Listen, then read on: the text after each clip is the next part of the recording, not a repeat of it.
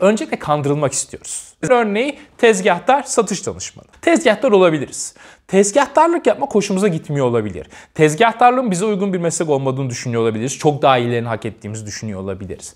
Ama bütün bunlar bize satış danışmanı deyince değişmiyor. Yani tezgahtar kelimesini alıp satış danışmanı title'ına çevirdiğimizde, sıfatına çevirdiğimizde biz daha iyi bir iş yapmış olmuyoruz. Merhabalar, bir devlet mühendisi doçent olarak çalışıyorum. Bu kanal vasıtasıyla olabildiğince bildiklerimi, gördüklerimi aktarma çabası içerisindeyim. Aynı zamanda kanalımızın gelirlerini her ay sizlerin belirlemiş olduğu bir hayır kurumuna bağışlamaya çalışıyoruz. Dolayısıyla kanalımıza abone olursanız hem gelecek videodan haberdar olabilirsiniz hem de bu hayır kurumlarına aktardığımız miktarı arttırma noktasında da bize katkı sunabilirsiniz diyerek hızlıca yine video konumuza girelim. Bu videomuzun konusu bizler büyük veri ve nöro pazarlama yüzünden her geçen gün nasıl daha fazla bu üretim bantlarının dönmesini sağlayan kuklalara dönüşümümüz nasıl gerçekleşiyor bunlara değinmek değinmeye çalışacağım piyasadan örneklerle. Ve videonun sonlarına doğru da aslında burada gerçek suçlu kimdir, nedir, ne değildir, neden böyle oluyor bunları bir nevi anlatmaya, aktarmaya çalışacağım. Ben ilk kez büyük veriyle Güney Kore'ye gittiğimde bu doktor araştırmaları için gittiğim laboratuvarda tanıştım. Benim aslında çalışma alanım elektroensefalografinin bu veri madenciliği algoritmalarıyla sınıflandırılmasıydı. Ama orada bir çalışma grubu daha vardı. Onlar çok ilginç bir şey yapıyorlardı. Güney Kore'deki politikacılar için. O da Twitter'daki yazılmış bu atılmış tweetleri o zaman istedikleri kadar çekebiliyorlardı. Ve Güney Kore halkının nükleer enerji ile ilgili algılarını politikacılar hangi kelimelerle daha pozitife yönlendirebilir bunu çalışıyorlardı. Ve gerçekten de politikacılar tarafından o laboratuvarın o bölümü, o kısmı finanse ediliyordu. Yani temelinde en basit yapı, yapılan şuydu, çok ilginçtir. Bütün bu Twitter bilgilerini alıyorlar, veri madenci vasıtası işliyorlar ve daha sonra kendilerine oy verebilme potansiyeli en yüksek olan hedef kitle için politikacılar hangi kelimeleri kullanmalılar nükleer enerjiyle eşleştirmek için, söylemlerinde hangi kelimeler nasıl geçmeli bu konuda danışmanlık veriyorlardı. Bu konular fikir veriyorlardı ve gerçekten o dönem politikacıları da bunların söylediği kelimeleri kullanarak konuşmalar yapıyorlardı gerekli yerlerde ve etkili de oluyordu ve bunların her seferinde Twitter'daki etkileşim dönüşümü nasıl olduğunu tahmin ediyorlardı. E, çok ilginç bir e, çalışma ve ben ilk kez orada büyük verinin ne kadar fazla şey değiştirebileceğini gördüm. Pazarlama alanında da büyük veri aslında hani çoğumuzun bildiği üzere şu şekilde kullanılıyor.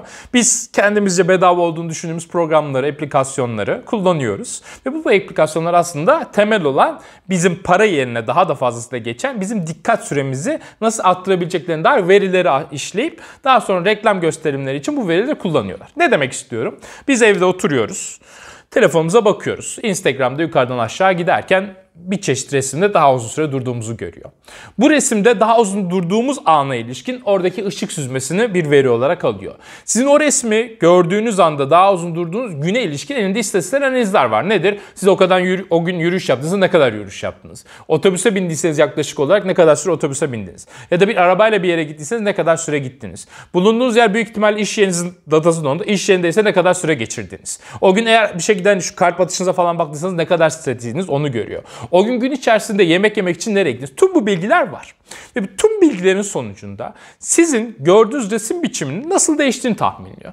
Diyelim ki siz o gün yeşillik olan bir resme daha fazla baktınız. Bir başka gün çok güzel bir kadın olduğu resme daha uzun süre baktınız. Bir başka gün çok yakışıklı bir erkeğin olduğu resme daha uzun süre baktınız. Bunlar değişebilir. Buradan yine size dair bir çıkarsama yapıyor büyük veri sayesinde. Ve size o gün tüm bu özelliklerin sıralandığı gün en yüksek olasılıkla daha uzun bakacağınız reklam biçiminde ya da en yüksek olasılıkla satın alma tuşuna basacağınız söylem biçimini gerçekleştiriyor. Diyelim ki siz o gün yürüdünüz, iş yerinde şu kadar zaman geçirdiniz, sarışın olan bir kadının resmine baktınız ve o gün algoritma şöyle bir tahminleme yapıyor. Işık süzmesi sarı ve evde rahatlıyorsunuz. Ben bugün bu bireye eğer içerisinde yakışıklılık geçen bir söylemde bulunursam bu bireyin o reklama daha uzun bakmasını sağlayabilirim ya da o ürünü almasını sağlayabilirim. Dolayısıyla içerisinde yakışıklılık geçen ya da yakışıklı arttırma ile ilgili unsurlar geçen reklam o gün size gösteriliyor. Dolayısıyla ne oldu bakın sizin normalde daha az süreyle bakacağınız bir reklamı görme olasılığınız ya da satın alma olasılığınız arttırdığını tahmin ediyor algoritma. Elbette ki siz o gün tıklamayabilirsiniz ve bir hata yapmış olabilir. Algoritma bunu öğreniyor. Ya diyor ki burada bir hatam var. Ta ki ne zamana kadar size sürekli bu denemeleri yapıyor ve sizin gibi düşünün milyarlarca insana bu denemeler sürekli yapılıyor. Algoritma deniyor, Verisine tekrar bakıyor, kendi ilişkimi düzeltme yapıyor, tekrar deniyor, tekrar yapıyor. Her geçen gün mükemmelleşiyor. Ama şimdi korkutucu olan şu anda bu algoritmalar hala iyi değiller. Bakın Geleceği düşündüğünüzde bu algoritmalar gitgide mükemmele yakınsayacak. Henüz şu anda evet eskisine göre çok daha iyi. Eskiden hepimiz açıyorduk televizyonda aynı reklam izliyorduk. Artık öyle değil. Sana özel reklam, bana özel reklam gösteriliyor. Gitgide hatta şunu yapıyorlar. Renk tonları size göre değişebiliyor, bana göre değişebiliyor. Kullanılan kelimeler size göre, bana göre değişebiliyor. Sürekli bir değişim halinde ve her geçen gün tahminliyor. Ama yarın bir gün elindeki veri sadece sizin yürüyüş, gittiğiniz mekan, o anda oturduğunuz yerdeki ışık süzmesi e, ya da baktığınız reklam, gördüğünüz Instagram'da fotoğrafları olmayacak. Yarın bir gün bakın Internet of Things yani nesnelerin interneti de geldiğinde sizin buzdolabınızdan da veri alabilecek. Ne kadar sütünüz kaldı, o gün ne kadar süt içtiniz, hangi yemekten ne kadar yediniz, kaç kere buzdolabının kapağını açıp kapattınız, bir ekstradan veri geldi. Oturduğunuz koltuk internete bağlı olacak büyük ihtimalle. O koltukta ne kadar oturdunuz, hangi masaj biçimini istediniz, hangi sıcaklığı istediniz verisi gelecek. Televizyonunuz tamamıyla internete bağlı olacak. Ne izlediniz, ne kadar süre izlediniz, ne zaman geçiş yaptınız. Mikrofonlarınız açık olacak, sürekli dinleneceksiniz. Eşinizle ne konuştunuz, hangi kelimeler geçti. Televizyonda ne izlerken ne hakkında konuşuyordunuz. Televizyonda hangi reklam izlendiğinde siz o reklam konuşmaya başladınız. Düşünün bu veriler büyüdükçe ve inanılmaz şekilde bunlar hızla büyüyor. Düşün ayakkabılarınız internete bağlı, saatlerimiz internete bağlı, üzerine giydiğiniz kıyafetler internete bağlı, evinizdeki akıllı robot internete bağlı, evinizdeki ışık internete bağlı. Düşünsenize tüm bunlar internete bağlıysa bunların hepsi daha iyi algoritmanın sizi tahmin edebileceği bir olasılığı arttırıyor. Dolayısıyla biz her geçen gün bizi daha iyi tahmin eden ve tırnak içerisinde kullanıyorum bizi bizden daha da iyi tahmin edebilecek algoritmaların bizi ürünleri satın almak için yönlendirmesiyle karşı karşıya çıkacağız. Burada şimdi iki tane sorun var. Ben bu iki sorunu da olabildiğince gerçekçi bir perspektiften kendi gördüğümce anlatmaya çalışacağım. Ama şöyle bir sıkıntı olduğunu lütfen unutmayın. Genelde bu perspektif, benim anlatacağım perspektif çok duyabileceğiniz bir perspektif değil. Çünkü öyle ya da böyle sosyal medyada birçok hani benzer işlerle uğraşan kişiler size güzel şeyler söylüyorlar. Ama bu da bizim istediğimiz bir şey. Şimdi gelin gerçekleri yüz yüze konuşmaya çalışalım. Şimdi biz öncelikle kandırılmak istiyoruz. Şimdi algoritma aslında temelinde yapmaya çalıştığı şu. Seni beni anlamaya çalışıyor. Bir sen ben oluşturmaya çalışıyor orada. Ve daha sonra ben Osman'ım. Bir Osman'ın yapacağı hareket tahminlemeye çalışıyor. Yani elinde bir tane Osman figürü var. Şu anda tek bir Osman figürü yok. Osmanlar figürü var. Teknolojimiz o kadar gelişmiş değil. Dolayısıyla bana benzeyen Osmanlar var ve Osmanlıların bir sonraki hareketini tahminlemeye çalışıyor. Şimdi buradaki bir sonraki hareketi ve kendinde geçirdiği süreyi daha da uzatmak için beni anlaması gerek. Beni anladıkça da şunu fark ediyor. Ben kandırılmak isteyen bir bireyim. Ne yapıyoruz? Mesela hepimiz gerçekten konuşalım bunu. Facebook'a giriyoruz. Facebook'ta bizim bir siyasi görüşümüz var diyelim benim kendime. Ee, Facebook'ta şöyle dolaşırken benim siyasi görüşümde örtüşmeyen paylaşımlar yapan birini görüyorum. Sinirleniyorum, hoşuma gitmiyor. Hızla geçiyorum ya da ona tartışacak bir şeyler yazıyorum. O benimle tartışıyor, kavga ediyoruz, onu arkadaşlıktan siliyorum. Facebook'ta kenara atıyorum. Bak Facebook'ta daha az süre geçirdim. Ya da bakıyorum benim hiç beğenmediğim görüşler paylaşıyor, hiç beğenmiş şey yapıyorum. Bunu engelle diyorum ya kapatıyorum. Arkadaşlıktan çıkartmıyorum, kavga da etmek istemiyorum. Ama hızla geçiyorum oraya. Orada geçirdiğim süreçteki duygu kötü bir duygu. Facebook bunu fark ediyor. Ve ben ne kadar kötü duyguyu Facebook'ta geçirmeye başlarsam o kadar az kullanmaya başlıyorum. Dolayısıyla ben Facebook'a diyorum ki bana kötü şeyler, benim hoşuma gitmeyen şeyler gösterme. Facebook ya da diğer sosyal medya hesapları da bizim bu isteğimizi yapıyor. Her geçen gün benim gibi düşünen, benim gibi dünya görüşme sahip görüş biçimlerini ya da ideolojik unsurları gösteriyor da o haberleri gösteriyor. Bakın benim görüş biçimim genişleyeceğine her geçen gün daralıyor. Ama bunu isteyen benim. Facebook sadece burada algoritma olarak benim orada daha uzun süre geçirmemi sağlıyor. Bu sonuca ulaşırken beni anladığı için, insanı anladığı için bizim istediğimiz şeyi yapmaya başlıyor. Benim istediğim şey de şu, kandırılmak. Ben kandırılmak ve dünyayı sanki herkes benim gibi görüyormuş gibi görmek istiyorum. Aslında bütün bu kavgaların gitgide daha da fazla olması toplumlardaki nedeni de bu. Hepimiz sanki herkes dünyayı bizim gibi görüyormuş gibi zannetmeye başlıyoruz sosyal medya üzerinden.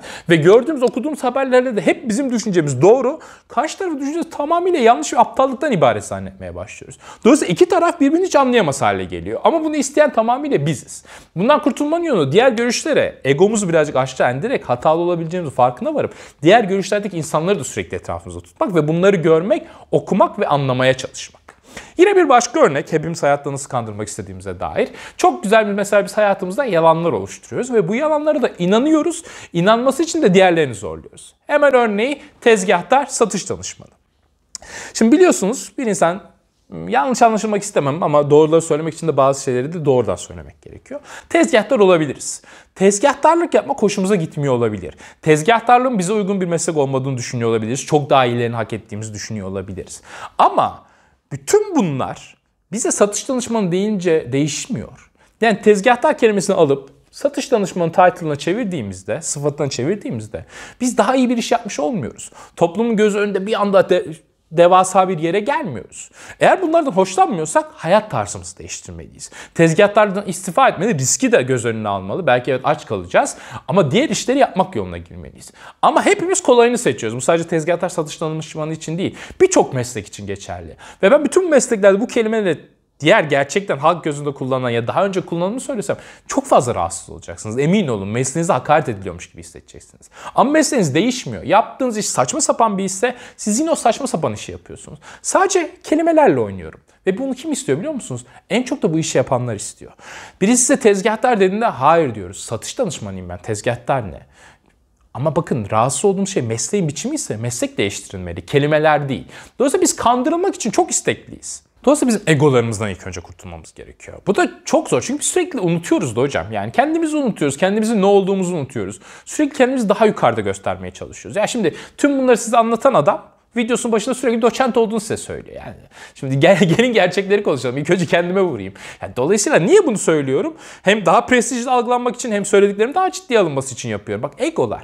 Onu söylemesem belki daha az insan izleyecek. İzlesin ne olacak ki? Değil mi? Ama işte yapamıyoruz. Hayatımızda şey değil. Yani yarın gün ben profesör olsam 3 yıl sonra olacağım inşallah. Bu Asım Babişko Asumanlar falan benim araya girmezlerse her yere profesör yazarım büyük ihtimalle. Kanal profesör, profesör, profesör. Ego hocam ego.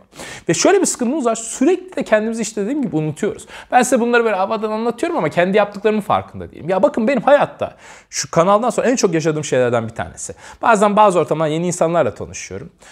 Lütfen o şimdi izleyenler de yanlış anlaşılmasın ama bu örnek bence değerli bir örnek. Ortamda hani işte genelde soru mutlaka şuna geliyor ki ben de merak ederim. Ne kadar kazanıyorsun oluyor bu YouTube'da. Ben de söylüyorum. Söyledikten sonra ya benim yakın bir arkadaşım diyor ama bağışlıyor diyor kanal gelirleri. Ya da ben söylüyorum yani sanki böyle para kazanıyormuş. Utanıyorum yani. Yani böyle bundan para kazanıyorum gibi olmak istemiyorum. De diyorum yani ama bağışlıyoruz kanalın gelirlerini diyorum.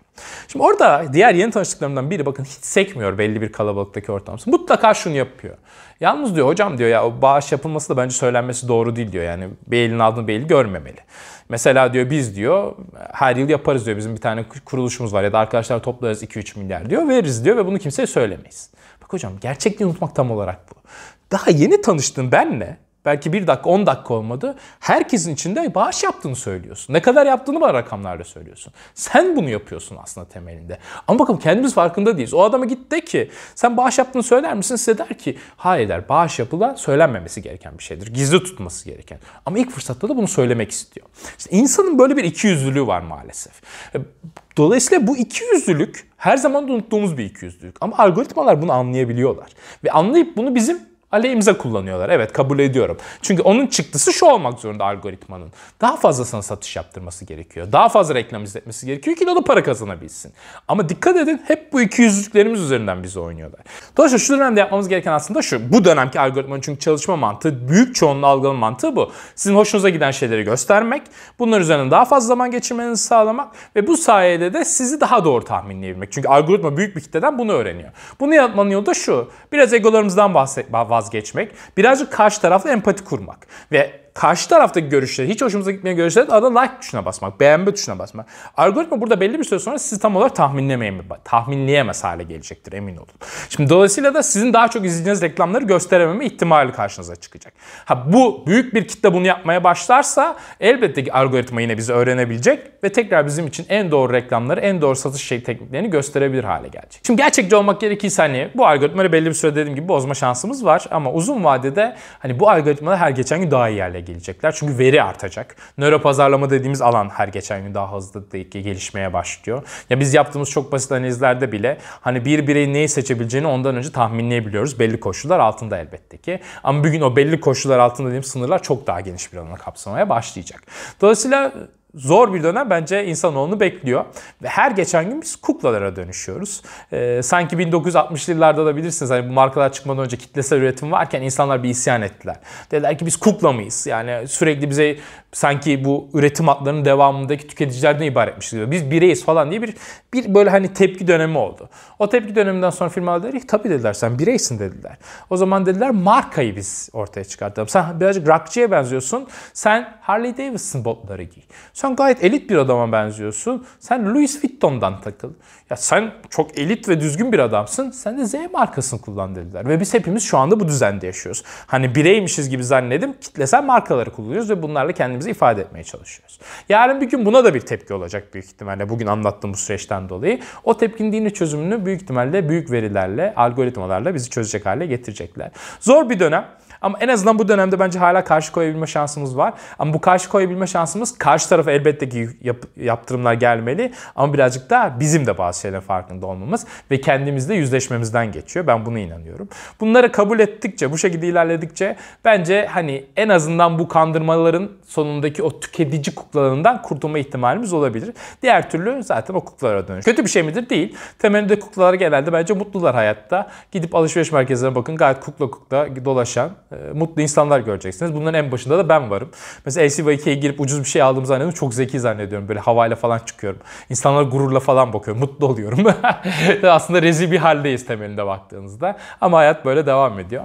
Aşağıda yine benzer paylaşımları yapmaya çalıştım. İnsanları rahatsız edecek şeylerden değinmeye çalıştım. Sosyal medya hesaplarımız yer alıyor. Oradan bizleri takip ederseniz çok sevinirim. Görüşmek üzere. Kendinize iyi bakın. Hoşçakalın.